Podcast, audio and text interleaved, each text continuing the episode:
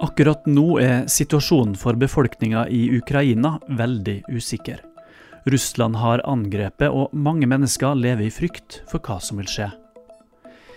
I denne ekstraepisoden av Røde Kors-podkasten Rødt lys skal vi forsøke å forklare litt mer av det som skjer, fra et humanitært perspektiv. Vi skal også få høre litt om hvordan Røde Kors arbeider i og rundt Ukraina akkurat nå. Jeg heter Roar Moltovak, og med meg i dag har jeg kollega Morten Tønnesen Krokan, som er senioranalytiker i Røde Kors, og som har vært i Ukraina for ikke så veldig lenge siden. Morten, du har jo sjøl vært i Ukraina. Hvordan er det å sitte og se og følge med på nyhetene og de meldingene som kommer ut fra landet nå? Nei, altså, Først og fremst så tenker jeg på de som er Ja, først og fremst de som selvfølgelig har mistet sine kjære. Det er jo meldt om flere som er drept og, og skadet. Men så tenker jeg på de eh, Altså den redselen, hvor redde de er. Jeg, jeg så et nyhetsinnslag i morges av en liten jente som var fire år gammel da, og sammen med moren hadde, og broren hadde søkt tilflukt i, på en T-banestasjon. Eh, og øynene hennes var liksom vid åpne, og hun var tydelig urolig og, og redd. Og hun merket jo også at moren var redd, og skjønte at noe var galt uten å ane hva det var for noe. Eh, så det, er, eh, det gjør sterkt inntrykk altså, å se Ja, det gjør det. Hva er det Røde Kors i Norge har fått av informasjon fra Røde Kors i Ukraina nå, om, om hvordan de opplever situasjonen? Vi, har, eh, vi, fikk en oppdatering nå for et par timer siden, to og en halv time siden, fra, fra Røde Kors i Ukraina.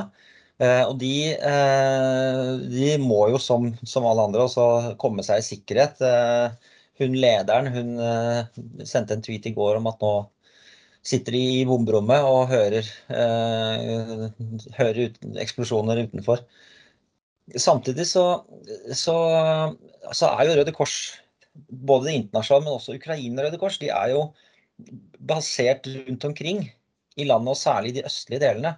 Så det betyr jo at når de, når de nå, så, så, snart sikkerhetssituasjonen tillater det, så, så, vil jo de ut og, og, og hjelpe folk. Eh, om det er med helse og skadde, eller om det er å få de sikkerhet, mat. Informasjon eh, er jo ofte et stort behov. Så, mm, så, så de melder jo om, om det, også at de er klare. Og så er det også et veldig viktig punkt som de alltid fremhever, og vi alltid fremhever, og det er jo selvfølgelig at stridende partene må beskytte sivile. Det er helt uh, sentralt og grunnleggende i en sånn situasjon. Hva er det ellers uh, sånne type angrep som man har sett siste dagene påfører befolkninga helt konkret? Hva er det som, som, som, slutter å virke, rett og slett? Ja, altså det er jo uh, sånn Akkurat når det gjelder angrep, så, så vet vi at det er mye ammunisjon er jo, er jo laget for bruk på, i åpne områder.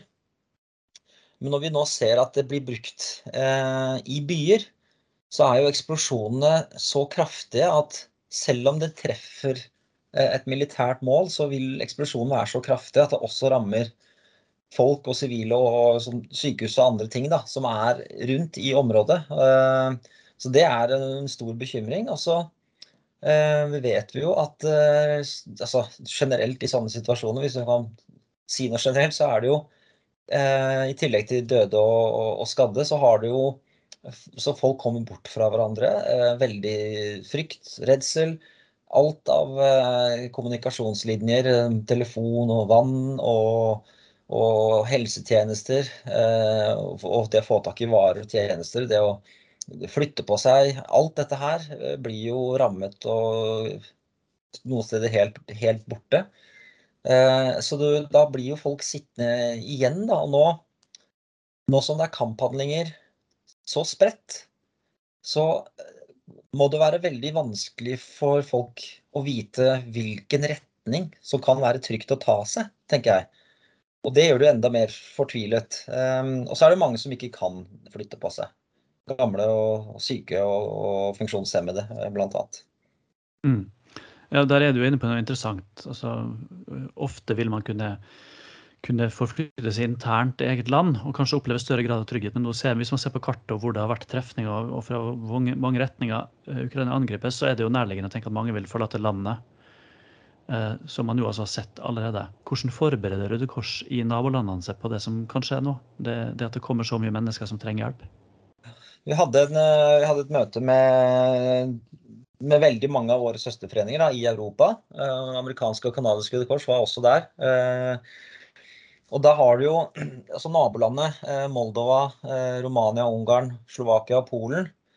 De er jo nå og de har jo vært i flere uker egentlig, har jo forberedt seg og er i beredskap på å ta imot folk. Um, de har jo, Noen av disse landene har jo erfaring fra de senere årene, og særlig da etter flyktningkrisen i, i 2015.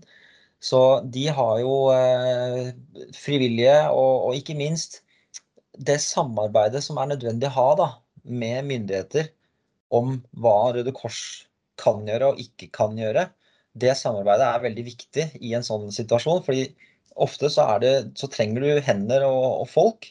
Og det er ikke nødvendigvis spesialister du trenger, men du trenger et godt organisert folk. da. Og det, og det er jo en del av det å være, være i beredskap. Men eh, pågår det også nå forberedelser i Norges Røde Kors med tanke på at det kan komme flyktninger hit til landet? Ja, det, det gjør det. Vi har, jo, vi har jo tenkt dette scenarioet i, i par uker nå at dette vil kunne skje.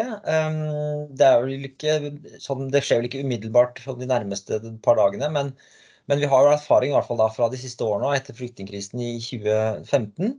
Eh, hvor da Røde Kors eh, frivillige, eh, bl.a. på mottakssenteret i, i Råde, eh, tar imot flyktninger. Det første de, de gjør da, er jo å ta en helsesjekk finne ut hvem de er. Og veldig ofte så vil flyktninger og migranter spørre om en telefon for å få kontakt med folk, da, fordi hvis de har mista eller telefonen er ødelagt. Um, og så er det jo da videre å fortelle de hvordan, hva som nå skjer når de har kommet til Norge, og orientere om hva norske myndigheter gjør og, og kan tilby. Um, og, og, da ha et godt og tett samarbeid med, med kommuner uh, og andre uh, organisasjoner. Mm. Ja. Nei, men eh, Morten, tusen takk for at du tok deg tid til en, en, liten prat her midt i vinterferien. Jeg regner med du følger tett med på hva som skjer videre, så, så får vi bare eh, håpe at ikke for mange sivile blir berørt av de, ja, av de krigshandlingene som nå pågår i Ukraina. Ja. Takk skal du ha, Roar. Takk, takk. Takk for praten.